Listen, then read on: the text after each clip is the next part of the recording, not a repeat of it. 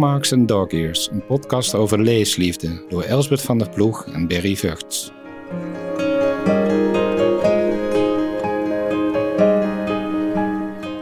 Onze gast is Willem Schinkel, hoogleraar sociale theorie aan de Erasmus Universiteit.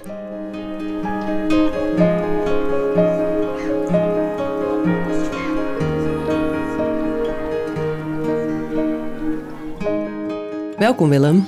Welkom. Dankjewel. Waar doe jij het het liefst? We hebben het over lezen, hè? We hebben het over lezen. Ehm, oh ja. thuis. Thuis. Mhm. Ehm, en ehm, ook elke dag bijna eh, in eh, Spirit. Dat is zo'n café van, eh, wat bij die eh, biologische supermarkt zit. Ah ja, bij de Ja. Groene Passage. Bij de Groene Passage, ja. Want dat is precies op weg naar werk voor mij. Ah ja. En, eh, want ik, en dus ik moet, dan breng ik bijvoorbeeld 's ochtends mijn kinderen naar school. Eh, dus dan ben ik al onderweg en dan ga ik naar werk. Maar dan stop ik eerst daar Mhm. vanaf eh, ja, kwart voor negen. En mijn eerste afspraak plan ik dan pas om 11 uur. Als ik die heb. Mhm. Dus dan, eh, en dan, ja, ik heb geen telefoon, dus ik ben gewoon zonder connectie daar. Dus kan ik hem alleen maar lezen. Heerlijk. Dus dat is ook een fijne plek om, en het is heel rustig daar dan. Want dat Maar- heb je wel nodig, rust. Nou, ik kan thuis met onrust ook lezen. Als ik maar weet van, oh, ik heb tijd om te lezen. Ik, als ik niet bij de kinderen iets hoef te doen, dan kunnen ze gillen en weet ik veel. Maakt mij niks uit. Mm. Mijn vrouw heeft daar, die kan dan niet. Die moet gewoon rust hebben, maar ik eh, heb daar geen enkel probleem mee. Maar ehm, ik wil wel weten dat ik niet gestoord word. Dus Ja. als ik op de universiteit ga zitten eh, en ik zit te lezen, dan komen mensen gewoon binnen. Want dan denken ze, ja, je doet niks, je bent niet aan het werk. En ik, dan, ik denk altijd, ja, maar ik ben aan het lezen. Ja. Hè, alsof dat niet eh, de, bij de kern van het werk hoort. Maar dus, dat hebben mensen niet door. Dus heb ik dat, eh, dat eh, spirit-idee... eh, Hm. Ja, dat ontstond eigenlijk spontaan. Oh, dat klinkt wel luxe. En lees je elke leuk. dag? Elke dag, ja. Elke dag. En, Alles... ah, ah, kijk, eh, ik, ik laat alles wijken voor lezen. Als ik een dag niet lees, dan... eh nou, het gebeurt wel eens een dag. Dat is, maar Ja. eigenlijk kan ik me recent ook niet herinneren dat ik er niet gelezen heb. een dag niet gelezen. Ja, nee. Ja. Dus dat moet, dat moet sowieso gebeuren. Dan kan de rest van de dag kan er van alles gebeuren, maar dan is het wel goed. Mag ik daaruit opmaken dat het vooral in de ochtenduren plaatsvindt? Nee, ook s'avonds avonds laat, thuis. Eh, als eh, iedereen in bed is, dan... eh, Oh, Ja. dus je blijft eh, extra lang op om te kunnen lezen. Ja, en ook wel schrijven hoor, dan maar eh, meer lezen nog. Ja, dus ehm, ja, ik had van de week eh, weer, dat is typisch. Meestal is dat niet. Ik ga meestal iets van 12 uur naar bed, half één. Maar dan zat ik te lezen en eh zat er helemaal in. En ik dacht op een gegeven moment, hm, het, is misschien, het is misschien wel 12 uur. Toen keek ik op, was het half twee. dus zo gaat dat soms. En kun je dan wel afschakelen? Want je zit heel intensief wat Nou. iets te lezen.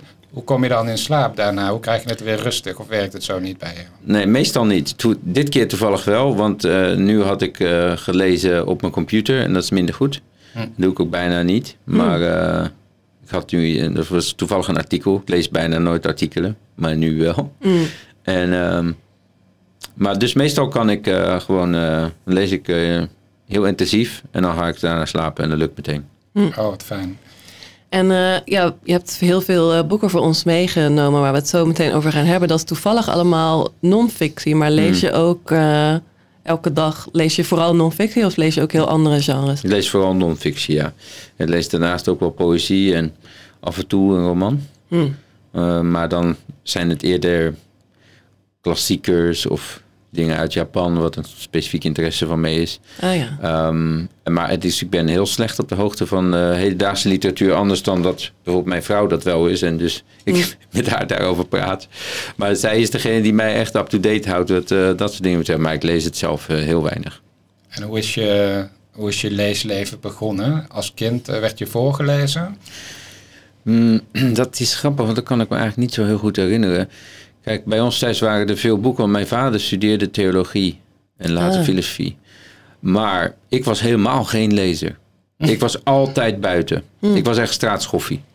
Gewoon altijd buiten spelen. En ik heb nog wel eens uh, ruzie gehad met mijn vader, want dan moesten we bepaalde dingen lezen of zo. Dus dan, dan moest ik, ik moest gewoon wel voldoende lezen, vond hij. Dus dan las ik Arendshoog en dan Heel Ah, ja. aardbollige dingen als in de zoete suikerbol.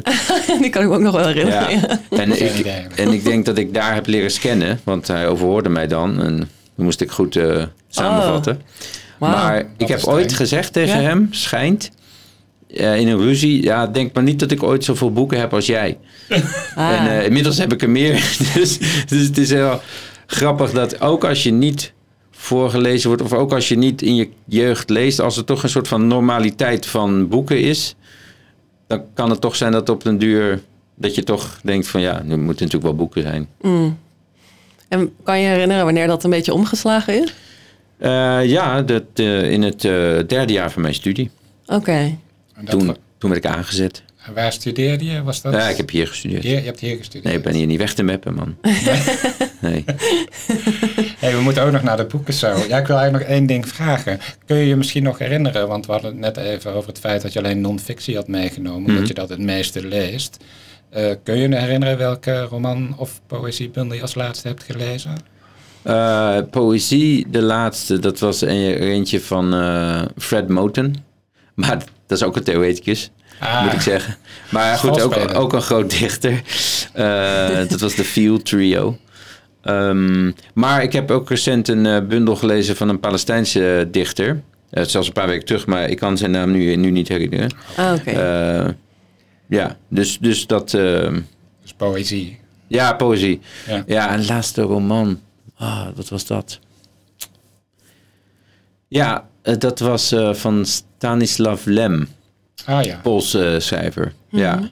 En ik weet even niet uit mijn hoofd de titel. Ik ben altijd rampzalig met namen en titels sowieso. ja. Ik weet, ik ken de naam, maar de titel kan ik zo ook niet. eh, Nee. Of een la. Ja, Ik ook niet, nee. Ja, volgens mij was het Siberiad. Siberiad. Oké. Ja. Hey, laten we naar de non-fictie gaan. Mhm. Mhm. Ehm, ik zie daar een groot, blauw, dik boek liggen. Mhm. Van wie is dat? Dat is eh, het eerste deel van Das Kapitaal van Karl Marx. Oké, Ja. vertel. Ja, ehm, dat heeft best lang geduurd voordat ik me helemaal hieraan zette. Hmm. Ehm, maar op een gegeven moment vond ik toch dat ik het eh, echt helemaal door moest werken. Ehm, en ja, het is voor mij wel een heel belangrijk en bazaal boek. En ja, je ziet, kijk, ik onderstreep er ook in. En bij uitzondering, dat doe ik bij heel zelden bij boeken, heb ik hier ook met pen ingeschreven. Dus dat betekent dat het voor mij echt een van de allerbelangrijkste boeken is. Dus Oké. ik- mijn hele notatiesysteem is eh, sowieso wisselend wel. Mhm. Maar wil ik met pen in boeken gaan schrijven, dan, dan weet ik echt van dit boek gaat mee het graf in. Oké, en dit was niet omdat je even geen potlood bij de hand Nee, nee, nee, had. Dit was Nee. een bewuste keuze. Nee, dat is een bewuste keuze. Maar dat is wel een heel eh, lastig iets. Kijk, lezen sowieso is heel pijnlijk. Eh, meestal. Eh, Het is misschien ook omdat ik veel non-fictie lees. En, eh, ik onderstreep vaak in boeken. Ja. Ja. En, maar daar krijg ik pijn in mijn arm van. Oh, fysiek Ah, het is echt pijnlijk. fysiek. Fysiek pijn. Fysiek pijn in mijn arm. Eh, Ja. vanmorgen heb ik ook weer gelezen, onderstreep fysiek pijn. Af- Het soort papier maakt ook uit hoeveel pijn ik heb. Hm. Oh. En, ehm, dus ik heb op een gegeven moment, je ziet, ik onderstreep bijna heel de pagina. Het staat ja, helemaal er nergens staat heel op. veel geschreven in de marges. Ja, ja nou, dat zijn weer dingen die ik vaak letterlijk uit de tekst haal. Dus belangrijke citaten schrijf ik dan nog een keer in de marge op. Juist, zodat ze makkelijker terug te vinden zijn. Ja, en, maar ja, is het echt om terug te vinden? Ik weet niet hoe ver, in hoeverre ik dat nou daarvoor gebruik. Het is ook Mhm. meer dat dit kennelijk de manier is waarop ik lees. Waarop ik tijdens het lezen markeer wat voor mezelf belangrijk is. Ja. Is het ook een bijgeloof bijna dat je denkt, als ik het nog eens een keer opschrijf, dan gaat het ergens, blijft het in mij vastzitten? Nou, er is wel. Lezen is wel ehm, een poging om, om toegang te krijgen tot, eh, tot de, de, de meervoudigheid van de werkelijkheid voor mij. Dus, dus het feit dat er meer is dan wat de common sense denkt, dan wat we at face value zien. Eh, lezen is voor mij echt een manier om dat boven te krijgen. Dus er zit altijd. eh, mijn lezen is altijd een wanhopige poging tot iets archiveren ook. ja. En je ziet ook dat boeken worden vertaald in onderstrepingen, maar ook in notitieboeken, in bestanden. En het is één grote, totaal wanhopige poging om, om, om iets te houden van de toegang die je soms ervaart in een soort flash als je iets leest waarvan je denkt, ja, dit is echt heel goed. Ja. En, eh, dus, maar ik heb ook, ik heb nu zoveel boeken dat op een gegeven moment, in 2010 besloot ik dat te doen. Heb ik een, eh, een, een, eh, een database ben ik gaan aanleggen Ja, ja. met keywords. Dus als ik een boek koop, zet ik alle keywords die relevant zijn eh, voor mij, zet ik daarin.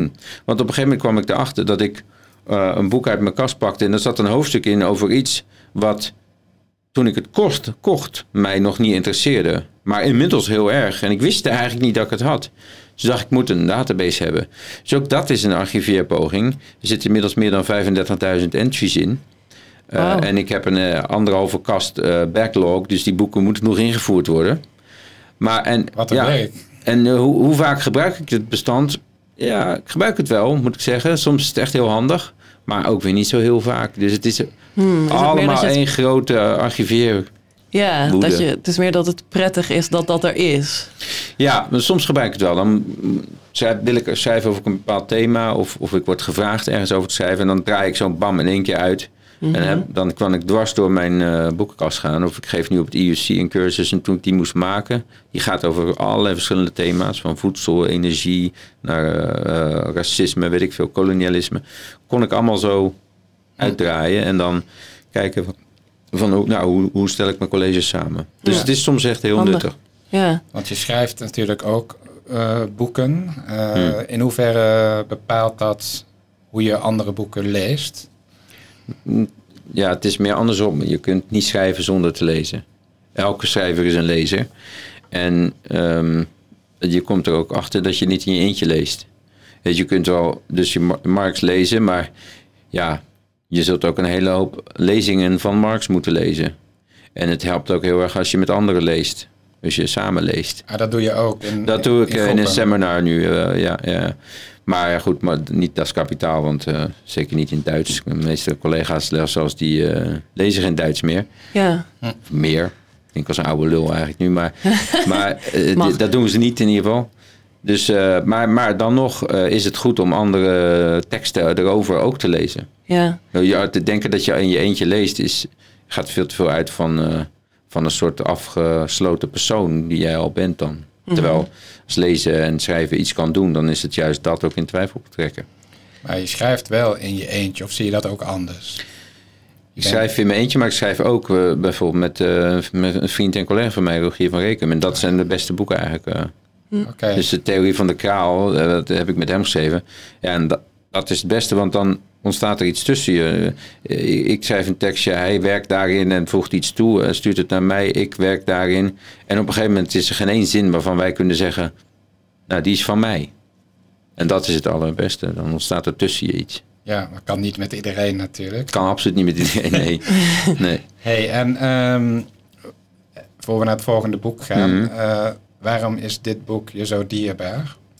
Ja, omdat het toch ook een soort van eh, basis is voor een eh, traditie in het denken die niet eh, ehm, bereid is te accepteren dat we eenmaal zo moeten leven zoals we nu doen. Zeg maar, dat deze soort van manier van leven die heel koloniaal is, die heel gericht is op planetaire destructie, en plundering, dat dat gewoon even de basis is van waaruit we opereren. En dat wil helemaal niet zeggen dat ik een orthodox marxist ben. Eh, daar heb ik zelfs een eh, groot probleem mee. Maar het is wel een soort van basis om heel systematisch te laten zien dat die liberale samenleving, dat die eh, op een, een hoop onzinnigheid berust. Nou, dat is duidelijk. dat groene boek hier, Ja. eh, wat is dat? Is dat ook in het Duits? Ja, dat is ook Duits. Dat is Kritiek der reine Vernunft van Immanuel Kant. En eh, hier zie je hoe, de, hoe mijn eh, lezen zich eh, evolueert. Want hier heb ik niks in onderstreept. En dat vind ik achteraf ontzettend jammer. Ook omdat het lijkt alsof ik het niet gelezen heb. Terwijl, dit las ik eh, toen ik eh AJO werd hier. Ik werd uh, promovendus. En ik las het elke dag in mijn lunchpauze. En ik heb alle kritieken van Kant gelezen. Later heb ik wel onderstreept. Maar deze niet. En dat heeft, dat, dat zie je ook... Dit is een heel shabby exemplaar eigenlijk. Ja, Ja, maar precies. ik kocht het tweedehands voor 32,50. Volgens mij 32 gulden 50. Oké. Dus dat was best wel wat voor mij. Ja. En ik, en ik koesterde het tot en met. Ik, was, ik dacht, ik, ik heb een prachtig boek hier. En eh, dus ik dacht, ik ga hier geen enkele notitie in maken. Want in die tijd gebruikte ik ook nog geen liniaal. Dus, dus het zag er niet uit als ik het wel deed. En dat wou ik met deze gewoon niet doen. Die, die koesterde ik.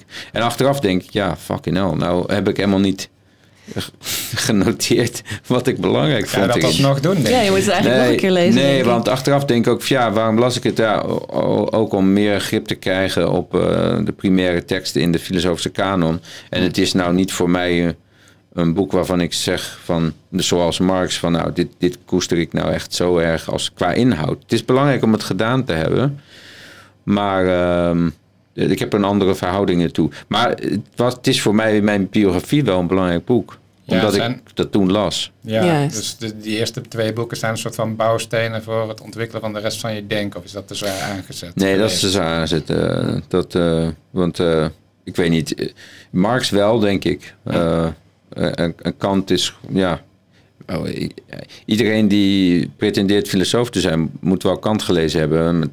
Helaas is dat helemaal niet zo. Ook bij filosofie hier, eh, ze lezen een paar pagina's misschien. En, en misschien, niet- ik geloof niet eens uit dit boek. Weet je, dus dat is heel weinig. Dus ik wou dat wel doen. Dus ik weet nog op het moment dat mijn, eh, dat mijn diploma-uitreiking was, die was in, in dit gebouw waar wij nu zitten. Eh, volgens mij in de Senaatzaal. Toen zat ik in het M-gebouw. eh, ik had geen interesse om eh, mijn diploma op te halen bij het, eh, met mijn medestudenten. Oké. Toen zat ik eh, daar dit te lezen. Ik keek uit mijn raam. Ook dacht, toen ah, zat ja, je te nu- lezen. Nu zijn ze die diploma-uitreiking aan het doen. Ja. Ben je een snelle lezer eigenlijk? Kan je herinneren hoeveel lunchpauzes daaraan heen zijn gegaan? Nou, dit heeft wel eh, tussen een half en drie kwart jaar gekost, denk ik. Ja. Maar Het is ook, Kant is nou niet zo, eh, eh, zo heel. ehm, Kant, dat lees je traag. Het Ja. zijn hele lange zinnen soms. Soms echt meer dan een halve pagina. Dus mijn, over het algemeen heb ik niet het idee dat ik een snelle lezer ben. Mijn vrouw vindt van wel, maar dat is meer omdat ik zoveel lees. Ja. Maar ik heb niet het idee dat ik een heel snelle lezer ben. Zeker niet als ik ga onderstrepen en zo. Nee, Ja, je werkt er meer door, doorheen eigenlijk. Ja. Je Ja, denkt het ja, is- doorheen. ja, als ik een boek echt belangrijk vind, ja, niemand anders kan dat boek eh, eh, dan nog lezen. Nee, precies. je kan het niet meer uitlenen. Nee, ik heb ook een enkele keer lang, eh, koop ik een tweedehands boek en dan zit er onderstreping nog in. Nou, dan ben ik eh, een paar maanden terug. Was ik drie uur lang bezig alles uit te gummen. Want ik kan absoluut niet accepteren dat de notities van een ander Aha. daarin staan. Maar je kunt dat nooit, is mijn ervaring, helemaal weggegund krijgen, toch? Nou, Je ziet nog een soort ja, afdruk ja van de dat is waar. Dat Ja. is waar. nog net Dat is waar. De- de- dus da- nee, dat blijft ergens wel. Maar daar, en, en dat is de reden dat ik het bij een echt belangrijk boek ook nooit zou doen. Nooit zou accepteren. Nee. Ja, ja. Want hoe, hoe is je selectiemechanisme? Hoe bepaal je wat je leest, wat je koopt, wat je leent? Ik leen eigenlijk niks. Je leent niets. Nee, vroeger wel, maar eh, kijk, eh, ik ben eh, hoogleraar hier en eh, dat, dat is gewoon een ontzettend privilege. Hmm. Dus ik heb gewoon geld om te eten en, eh, en een boek te kopen. Ja. En ik heb zelfs een budget waarvan de boeken gekocht kunnen worden. Dus ja, andere mensen besteden, weet ik, duizenden euro's aan hele fancy databestanden en zo. Maar ik ben theoreticus, dus voor mij gaat het gewoon aan boeken op. En ja, dat is meer dan ik kan lezen. Dus heel vaak denk ik van, oké, dit... eh, als er iets langskomt, denk ik heel snel, eh, dat ga ik aanschaffen. Dan als fysiek boek. Dat is fysiek boek, Ja. ja, altijd. Altijd. Oh, mooi. Hm. En ik zie nog een eh, Mhm. paperback liggen die ietsje Ja. dunner is. Ja, dit is eh uh, Yitzhak Laor. Ehm, en dat is een eh, Israëlische, Joods-Israëlische dichter. Eh, maar dit is dus een non-fictieboek van hem. Vals spelen. hè? ja, zie- dus, en eh, dit heet The, The Myths of Liberal Zionism. En dat heb ik meegenomen omdat ik eh, het recent eh, gelezen heb. Eh, Is En- het een recent boek? nee, het is niet heel recent. Even kijken. eh, dit is natuurlijk een slecht geluid voor op de nee, het is podcast, juist maar- leuk. Ja, ja. nee, de, de, de, het- de eerste versie is uit 2007. En toen Ah, is het in oké. Frankrijk gepubliceerd. Maar deze komt uit 2017. De- Ik heb de Engelse versie. En eh, het gaat heel erg over eh, de, de positie van Israël eh, in de wereld. Ja. Eh, en Lauwers is heel kritisch daarover, ook al schrijft hij vanuit Israël. Hm. Maar en dus voor deze tijd, eh, waarin eh, een, eh, ja, een genocide plaatsvindt in Gaza, ja, is het een heel relevant boek om terug te halen. Wil je misschien uit dit boek een stukje voorlezen? Jazeker. Even kijken wat ik had eh, bedacht. Eigenlijk een stukje wat gaat over ehm, die rol van Israël en, en, en, de, de manier waarop Israël eh, ook, ook bedacht en gefundeerd is. Ehm, even kijken hoor, waar we moeten we zijn. Ja, hij zegt: Zionism thought it would politically resolve the exile within Europe, not just by an exodus, by going elsewhere, but by going to the heart of the colonial hinterland of Europe, the East. Not to become part of that East, but in order to become representatives of the West over there, far away from the exile we were subjected to here inside Europe. This is how Herzl, Theodor Herzl, de vader van mm. het moderne Zionisme, put it in very crude words in his programmatic book, The Jewish State. He writes, For Europe, we could constitute part of the wall of defense against Asia. We could serve as an outpost against barbarism. An- as a neutral state, we would remain in contact with all of Europe, which would have to guarantee our existence. En ehm, dan eh, zegt hij ook verderop nog: Most Zionists, especially on the left and even religious Zionists, accepted that 19th century hatred toward the Jews was the fault of its victims. Jews were parasites, non productive, non enlightened, backward, in other words, not fully human. The Zionist contribution to the normalization of the new Jews, according to Western standards, was in going to the Orient. The colonized Jews now tried to free themselves by colonizing others. Dus hij maakt heel erg duidelijk hoe. Hij ondergraaft eigenlijk heel het narratief wat, wat dominant is in, in Europa over eh, de staat Israël. En over wat dat is en waar het vandaan komt.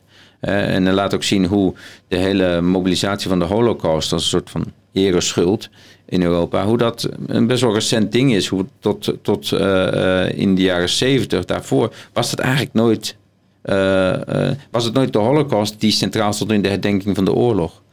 Maar dat wordt die op een gegeven moment. En dat is alleen te begrijpen als je de rol van Israël in, in dat westerse imperialisme wil begrijpen. Het, Ehud Barak die heeft ook eens gezegd van eh, Israël is, is een villa in de jungle. Een soort Europese outpost van kijk, hier, hier zitten nog echte, echte witte mensen. Precies wat Mark Rutte zei toen hij zei van na 7 oktober 2023 van ja, wat uitzonderlijk is, is dat dit keer ook gewone mensen slachtoffer zijn. Gewone Israëlische burgers. Hij zei letterlijk, dat zijn gewone mensen voor mij. En die Palestijnen, die tellen niet. Ja, dit is natuurlijk op dit moment een hele actuele kwestie. Ja, Eh, is dat ook hoe je leest? Dat je Zeker. kijkt naar eh, wat speelt er in de wereld Ja. en welke boeken kan ik tot mij nemen om me daar een soort van, ja, van Ja. op de hoogte te houden. De verschillende meningen die er rondgaan ja. tot me te nemen om zelf tot een oordeel te geraken. Nou, ik lees altijd meerdere dingen tegelijk. De, dus, eh, want, en ik schrijf ook altijd meerdere boeken tegelijk. Ik schrijf nooit één boek tegelijk. Oh, Dus Oh. dat dat lijkt me ingewikkeld. nou, helemaal niet. Want eh, als je dan met het ene boek even niet verder kan, ga je gewoon met het andere verder. En eh, Gewoon. Net zo makkelijk, ja. ja, nee, dit is wat een van de auteurs die ik niet heb meegenomen, maar die ook belangrijk voor me is, Duitse socioloog Niklas Luhmann. Die zei dat precies zo. En dat heb ik altijd goed Ah. begrepen. Van ja, eh, hoezo ben je net één boek bezig en is dat dan afgesloten en ga je dan naar het volgende? Ja, zo, ja. zo gecompartmentaliseerd is mijn leven niet. Eh, maar het is inderdaad, dus je leest, ik lees voor bepaalde projecten, voor bepaalde boeken. En los daarvan lees ik dingen die niks te maken hebben, ogenschijnlijk, met wat ik aan het schrijven ben. Maar die altijd me gaan vormen en relevant gaan zijn. En dan zijn er dingen die ik eh, ad hoc en acuut lees. En nu lees ik dus heel veel inderdaad over Palestina en Israël. Ja. Ja, ja. Dus vandaar dat ik Lahore recent eh, pas heb gelezen. Vind je bij non-fictie de stijl ook belangrijk? Want nu is dit natuurlijk een dichter. Mm. Is dat te merken in zo'n... eh, Dat is zeker wel te merken, ja. ja? Dus, eh, ja. Vind je dat prettig? Ja, ik kan er wel van genieten, maar het hoeft niet voor mij. Eh, Ik heb hier te- te- nog te- mijn laatste twee boeken. Eén is van Denise Ferreira de Silva, hedendaagse auteur. Dat heet Toward a Global Idea of Race. Ik geef bij filosofie een hele cursus over dat boek. Ik zie Uh-huh. heel veel, eh, hoe noem je die dingen? Post-its? Post-its, ja, dat is omdat ik een les uitgeef. Dus dan heb ik het helemaal gelezen. Ik, dit is ook een boek dat totaal onderstreept is. Ja. Ja, het is, heel eh, veel Niemand fysieke kan er pijn. nog iets mee. Heel veel fysieke pijn zit hierin. Maar dan, ja, als je dan les gaat geven, ja, dan, dan is het weer een tijdje geleden. Dus dan moet je toch weer doorheen. En dan doe ik met post-its van, hier ga ik over praten. Hier wil ik over praten met Zijn dat studenten. blanco post-its? Nee, er staan soms eh, enkele woorden op. Ah, oké. Ja. Ja, ja. En de andere is eh, Cedric Robinson. Dat is eigenlijk een beetje de vader van de Black Studies in Amerika. Dat heet The Terms of Order, Political Science and the Myth of Leadership. Dat is voor mij een ontzettend belangrijk boek geweest. Omdat ik dacht, had ik dit maar eerder gelezen, had ik eh, twee boeken van mezelf niet hoeven schrijven. Ah, Die ik ja, eind jaren 2000 schreef. Uit welk jaar is dit boek? Dit boek is uit 1980, als ik goed heb, of 81, zoiets oorspronkelijk. Ja, 1980. En, eh, maar dit heb, hier zie je dus, hier, dit probeerde ik eerst niet te onderstrepen. Want ik dacht, ja, ik kan vijf regels helemaal onderstrepen. Kan ook aan de zijkant een streepje zetten. ja. Dus dat heb ik Nou, een je tijdje gedaan.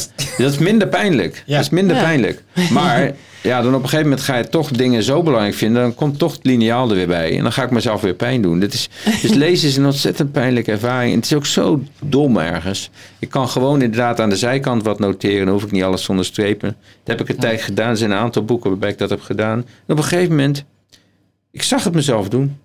Ja. Pakte ik gewoon weer die lineaal.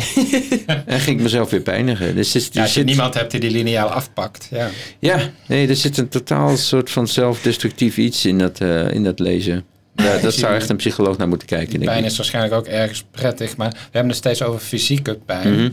Iemand zei ooit tegen me, kinderboekenschrijfster, elk schrijven begint bij pijn.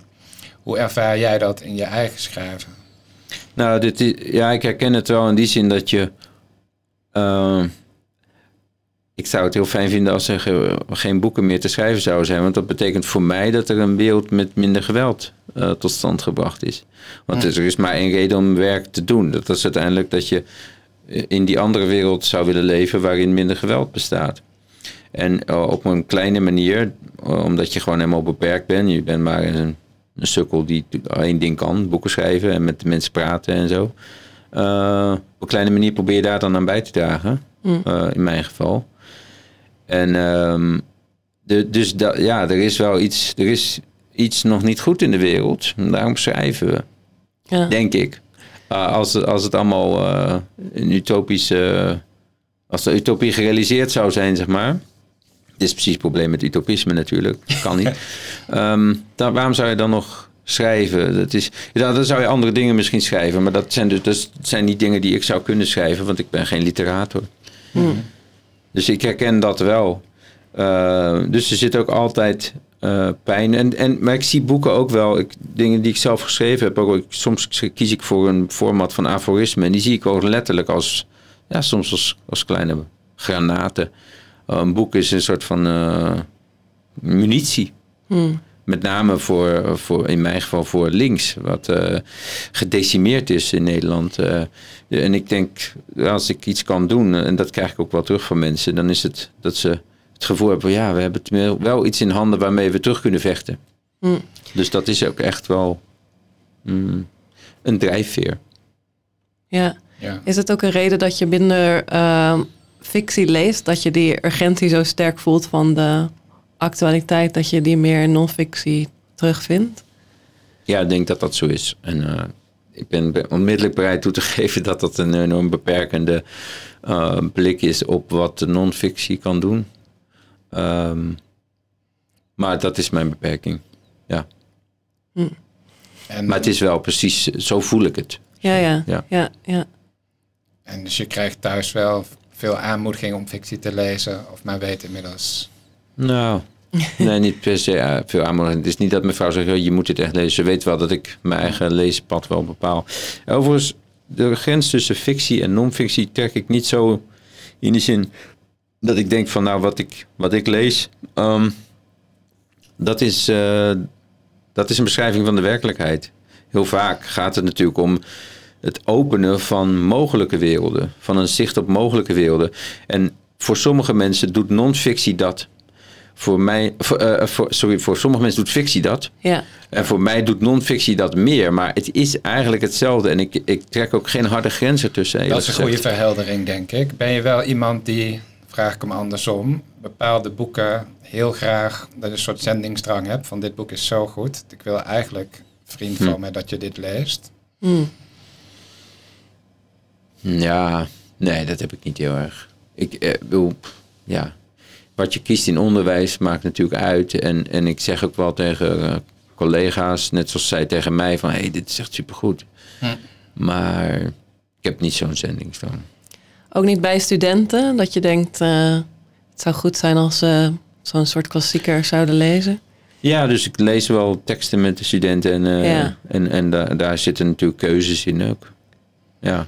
Ja, Maar, maar niet vanuit een soort zendingsdrang, want ik bedoel, er is zoveel. Het- En het interessante is met mijn studenten, met, met name mijn masterstudenten, daar leer ik heel veel, veel van ook. Eh, Die komen met dingen dat ik denk, shit, dat is interessant. Hmm. Moet ik lezen.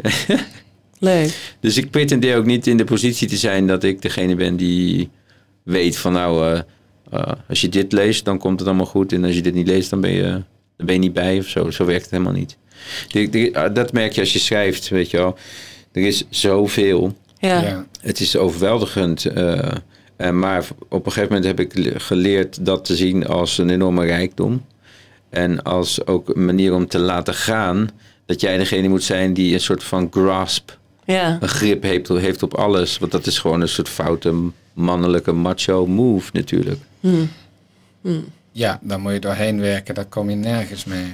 Als je Ja. zo gaat denken. Ja, Ben je nog gevoelig voor zeg maar, hoe een boek eruit ziet? Voor de, de letter, het papier, de omslag? ja zeker. Ja, ja. Ja? dat is, eh, er zijn van die academische boeken die worden dan alleen als hardback uitgegeven zonder, eh, zonder omslag. Dat vind ik wel heel jammer altijd.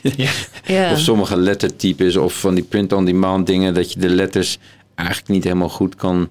Dat, dat je ziet dat ze een beetje korrelig zijn. En ook eh, gewoon grof papier is extra pijnlijk voor mij. Soms moet ik echt, als ik, ja, dan moet ik echt een, een boek gaan lezen wat ik niet onderstreep. Dat is vaak geschiedenis of zo. Er zitten zoveel details in of zo dat je denkt, ja oké, ik, ik laat het, ik neem het maar gewoon tot me. Ja. En dan doe ik dat om gewoon mijn arm te laten bijkomen. Eh, heb je ook een soort fysiotherapie dan inmiddels? Nee, ik heb Ja. wel. Kijk, eh, toen ik mijn poester schreef, toen had ik op een gegeven moment. eh, dat, dat, hoe noemde men toen RSI van het type? Ik wou net zeggen, het klinkt als RSI, maar dat heb ik nog nooit gehoord bij... eh, Ja, nee, het is ook Het bij lezen van allebei hoor. boeken. Het is bij allebei. Ik heb het bij, de, bij het type gehad. ja, Ja. ja. Maar dat is het ook het gekke, want het is ook, er zit een soort spanning in je lijf dan. En die kennelijk bij lezen dan soms ook heb. Eh, Marx heb ik dat niet gehad, gek genoeg, nauwelijks last gehad. Ehm, maar daar nam ik ook mijn tijd voor, denk ik. Dus dat maakt uit. Eh, als je denkt, ik moet snel dit lezen, dan is het eerder. Maar als ik bijvoorbeeld eh, moet typen omdat ik scripties moet nakijken, moet doen online. Ja. Vreselijke pijn, vreselijke pijn. Want ik wil dat niet doen. Nu, ik wil natuurlijk helemaal niks nakijken. Ik wil met studenten praten. Ja. Ik wil ze geen cijfers geven. Nee, er zit gewoon weerstand in. en dan ga ik ja. even later. Ga ik aan een boek werken. Heb ik helemaal geen pijn. Het is zo bizar. Ja, dat is wel kramping. veelzeggend, ja. Ja. Ja. Ja. Ja. Maar soms, eh, ja, dan heb- weet ik, ah, nu ben ik echt doorheen gegaan. Dan heb ik mijn arm echt verpoerd. En dan eh, moet ik gewoon een aantal dagen niet, eh, Ja.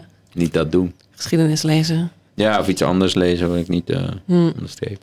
En bij zoiets als Das Kapitaal of een ander boek dat veel voor je betekent, kan iemand je dan nog blij maken met een heel speciale uitgave Nee, die in een vitrine moet? nee, dat boeit me niet. Oké, nee. En, en je boekenkast, heb je die nog op een bepaalde manier ingericht thuis? Ja, Dat ja. je zegt van, dit staat per se daar bij elkaar. Ja, ik ben daar op, op het moment zelfs een beetje aan het herinrichten. Want ik heb eigenlijk een soort van... het, Bij ons thuis, toen wij gingen verhuizen... was een belangrijkste reden... was de kinderen moesten allebei een kamer hebben.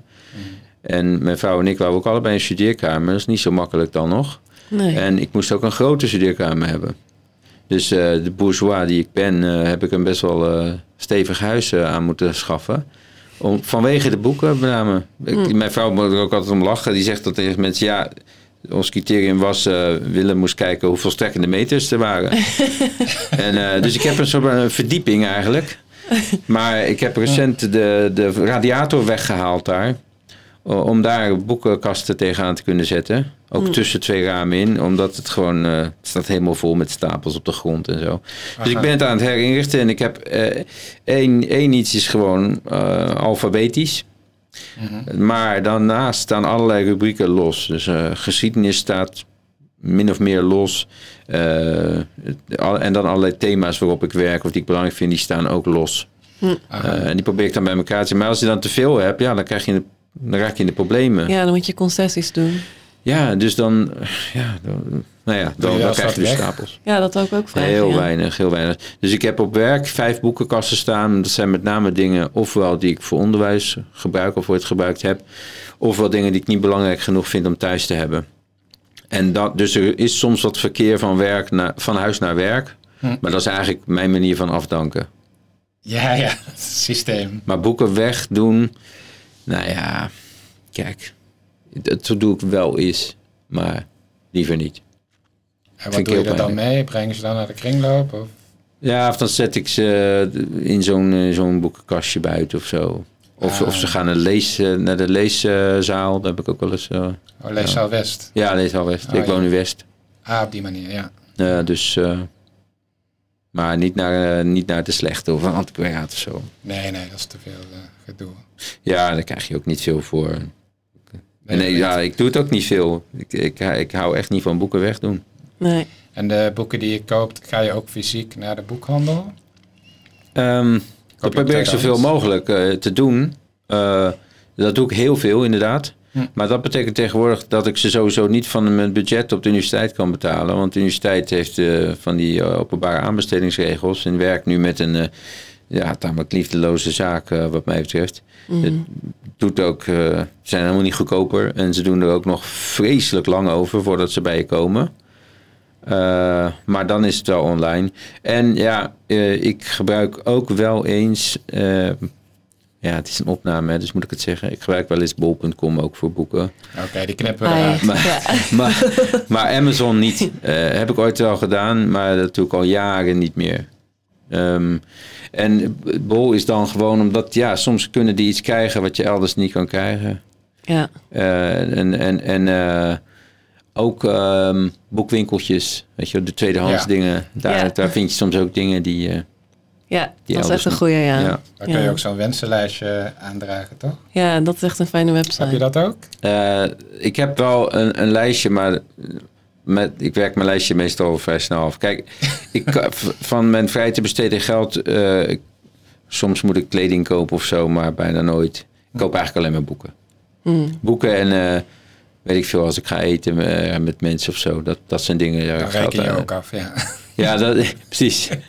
Maar dus boeken is mijn belangrijkste besteding voor, wel voor mijn geld.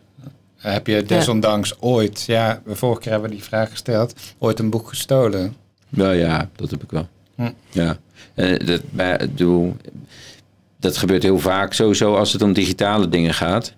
Hm. Maar dan, want hè, die kan je online dan vinden. Maar dan, dat doe ik eigenlijk als ik die boeken echt belangrijk vind of echt goed vind. Dan, denk, dan is dat een reden om even door te kijken en te denken, oh, die ga ik aanschaffen. Hm. Dus dat zullen uitgevers nog wel fijn vinden. Maar ja, vroeg- ik heb vroeger ook wel, ja, een beetje proletarisch winkelen heb ik wel ooit gedaan. Mm. Ook met boeken. Eh, ook, ook wel nog eens dat ik dan een heel duur boek kocht en bij de slechte ging verkopen. Om dan andere ja, eh, precies. dingen aan te schaffen. Je het weer omzetten in Ja, andere boeken. Ja. Oh ja, dat is... Ik weet dat ik dit zeg tegen twee mensen die ooit bij de slechte hebben gewerkt. Ja, maar, eh, precies. hè. Ja. Het was waarschijnlijk voor jullie tijd. Nee, maar we weten nog wel eh, dat je er niet heel veel voor terugkreeg. Hè? Want er moest er altijd minimaal drie of vier keer uitkomen, zal ik maar zeggen. Ja. Ja. Dan, eh, Ja. ja, je wordt er niet rijk van, nee. Nee. Het was geen, eh, Slecht het was geen businessmodel. Nee.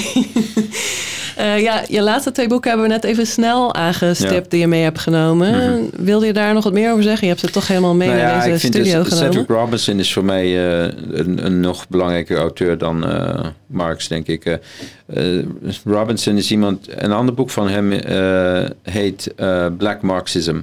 En is iemand die wijst op de manieren waarop Marx en Marxisme toch eh, een heel Europese onderneming is. Hm. En blind is voor de rol bijvoorbeeld die ras altijd gespeeld heeft in eh, het kapitalisme.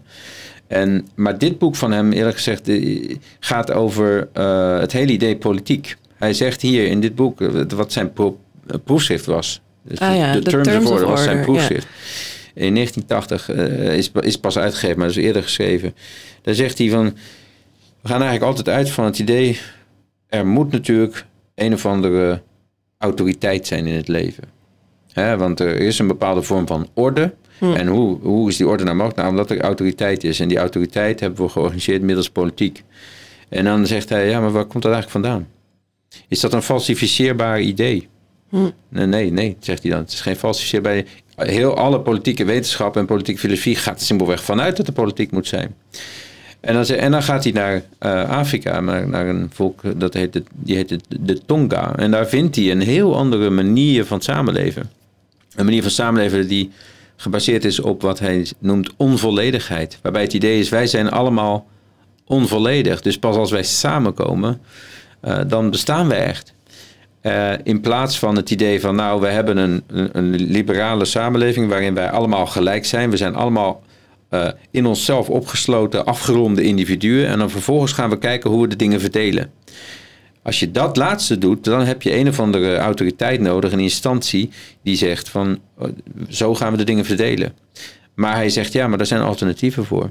En, eh, en dat was voor mij ook. eh, eh, hij zei ook een aantal dingen die ik eh, in, in een aantal boeken van mijzelf ook gezegd heb over de noties als orde en wat een samenleving is en zo.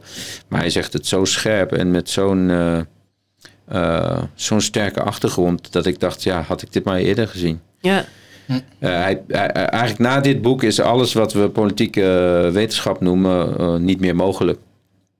Nou, het is in effect natuurlijk wel mogelijk, want eh, het gebeurt, er worden carrières gemaakt. Maar inhoudelijk is, kun je het allemaal met een korrel zout nemen als je echt dit boek tot je neemt. Dus voor zover ik zendingsdrang heb, dan The Terms of. Order van Cedric Robinson, dat, is moet je lezen. Geen slimme term om te gebruiken in de vraag, want wie wil er nou van zendingsdrang worden? ja, ja. ja, ik ben wel zoon van een theoloog ergens. Dus, Ah, oké, dus dan komt het toch nog ergens. nou ja, dat klinkt als een heel eh, goede aanrader. Eh, ja, we wilden je toch vragen, je hebt al veel titels genoemd, maar heb je nog een laatste tip voor luisteraars, een boek wat je misschien recent gelezen hebt, waarvan je denkt, dit moeten mensen ook zeker meenemen? Nou, ja, vind ik heel lastig, want eh, ik lees eh, in sommige weken een paar boeken per week. En eh, dat betekent ook dat je dan heel snel denkt van, ja, wat heb ik nou recent gelezen? Ja. Dat, gaat, dat wordt dan een soort blur. Maar Ja, kijk, het laatste boek wat ik meegenomen heb is van Denise Ferreira da Silva. Ik zou Ja. eigenlijk deze week naar een lezing van haar gaan in, in Melly, voormalig Witte de Wit. Maar ze is ziek, dus kon niet komen. Eh, maar dit is een wat ouder boek van haar. Ik geef bij filosofie daarover les. En ehm, maar ze heeft een recent boek dat heet Unpayable Debt. En eh, dat, is een, eh, voor een, dat is een hele hoop dingen, maar voor een deel is het ook weer een discussie met Marx. omdat zij zegt van wat Marx onder labor verstaat, onder arbeid. daarin vergeet hij eigenlijk de, de hele geschiedenis van de slavernij. Marx Juist. benoemt dat wel, maar als Marx het heeft over de relatie, de, his- de geschiedenisvormende relatie tussen arbeid en kapitaal, dan is dat alleen betaalde arbeid voor hem. Eh, dus betaalde arbeid is wat voor hem eigenlijk in de, een, een drijvende kracht is in de geschiedenis. Eh, minstens in de geschiedenis van eh, het kapitalisme. Hm. En in dat boek eh, is, gaat zij op een heel sophisticated manier eh, daarop in. Dus kortom, het is een heel technisch iets, maar het is ook een heel politiek iets.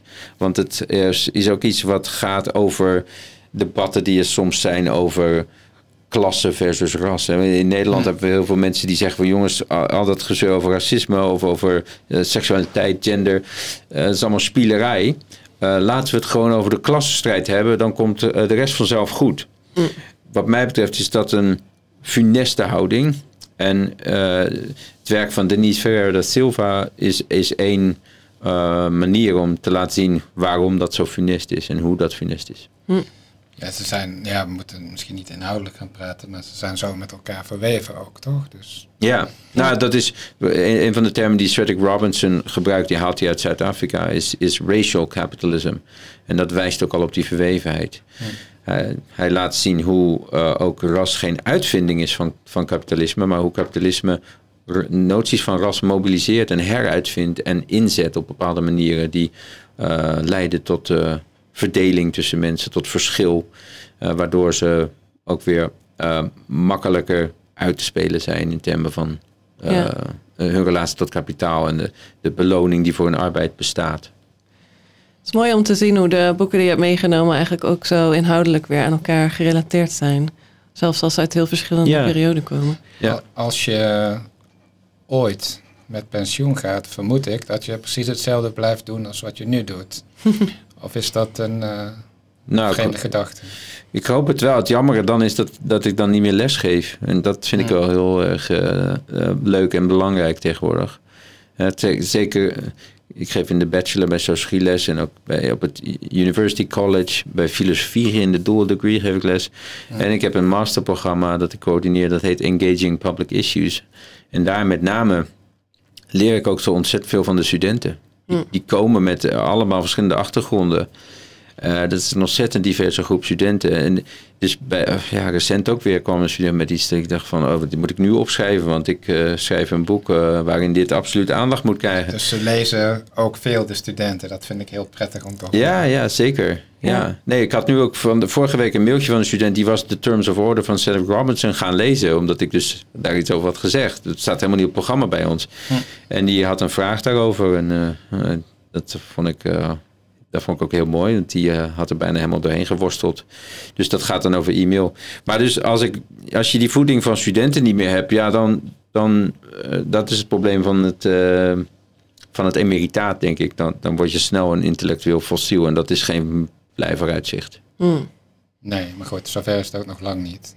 Oh. Godzijdank nog niet. Ik ben, eh, ik ben eh, 47. Precies. A- Anderzijds vind ik natuurlijk dat de pensioenleeftijd drastisch omlaag moet. Da- eh, Laten we dat even nou? helder hebben. Wat wil je nou? Ja, kijk, in de wereld die ik idealiter, idealiter voor me zie, is een universiteit gewoon een plek waar mensen samenkomen om te denken en te praten en te lezen. Waar niemand cijfers krijgt, waar niemand voor hoeft te betalen.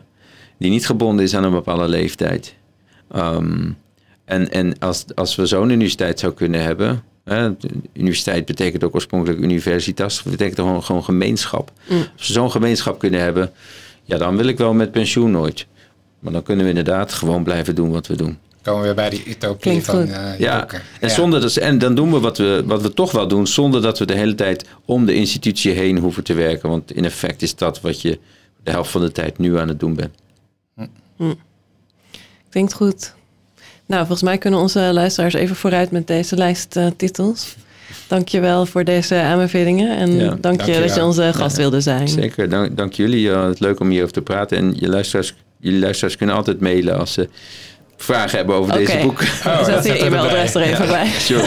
Dankjewel weer. Dank je. Je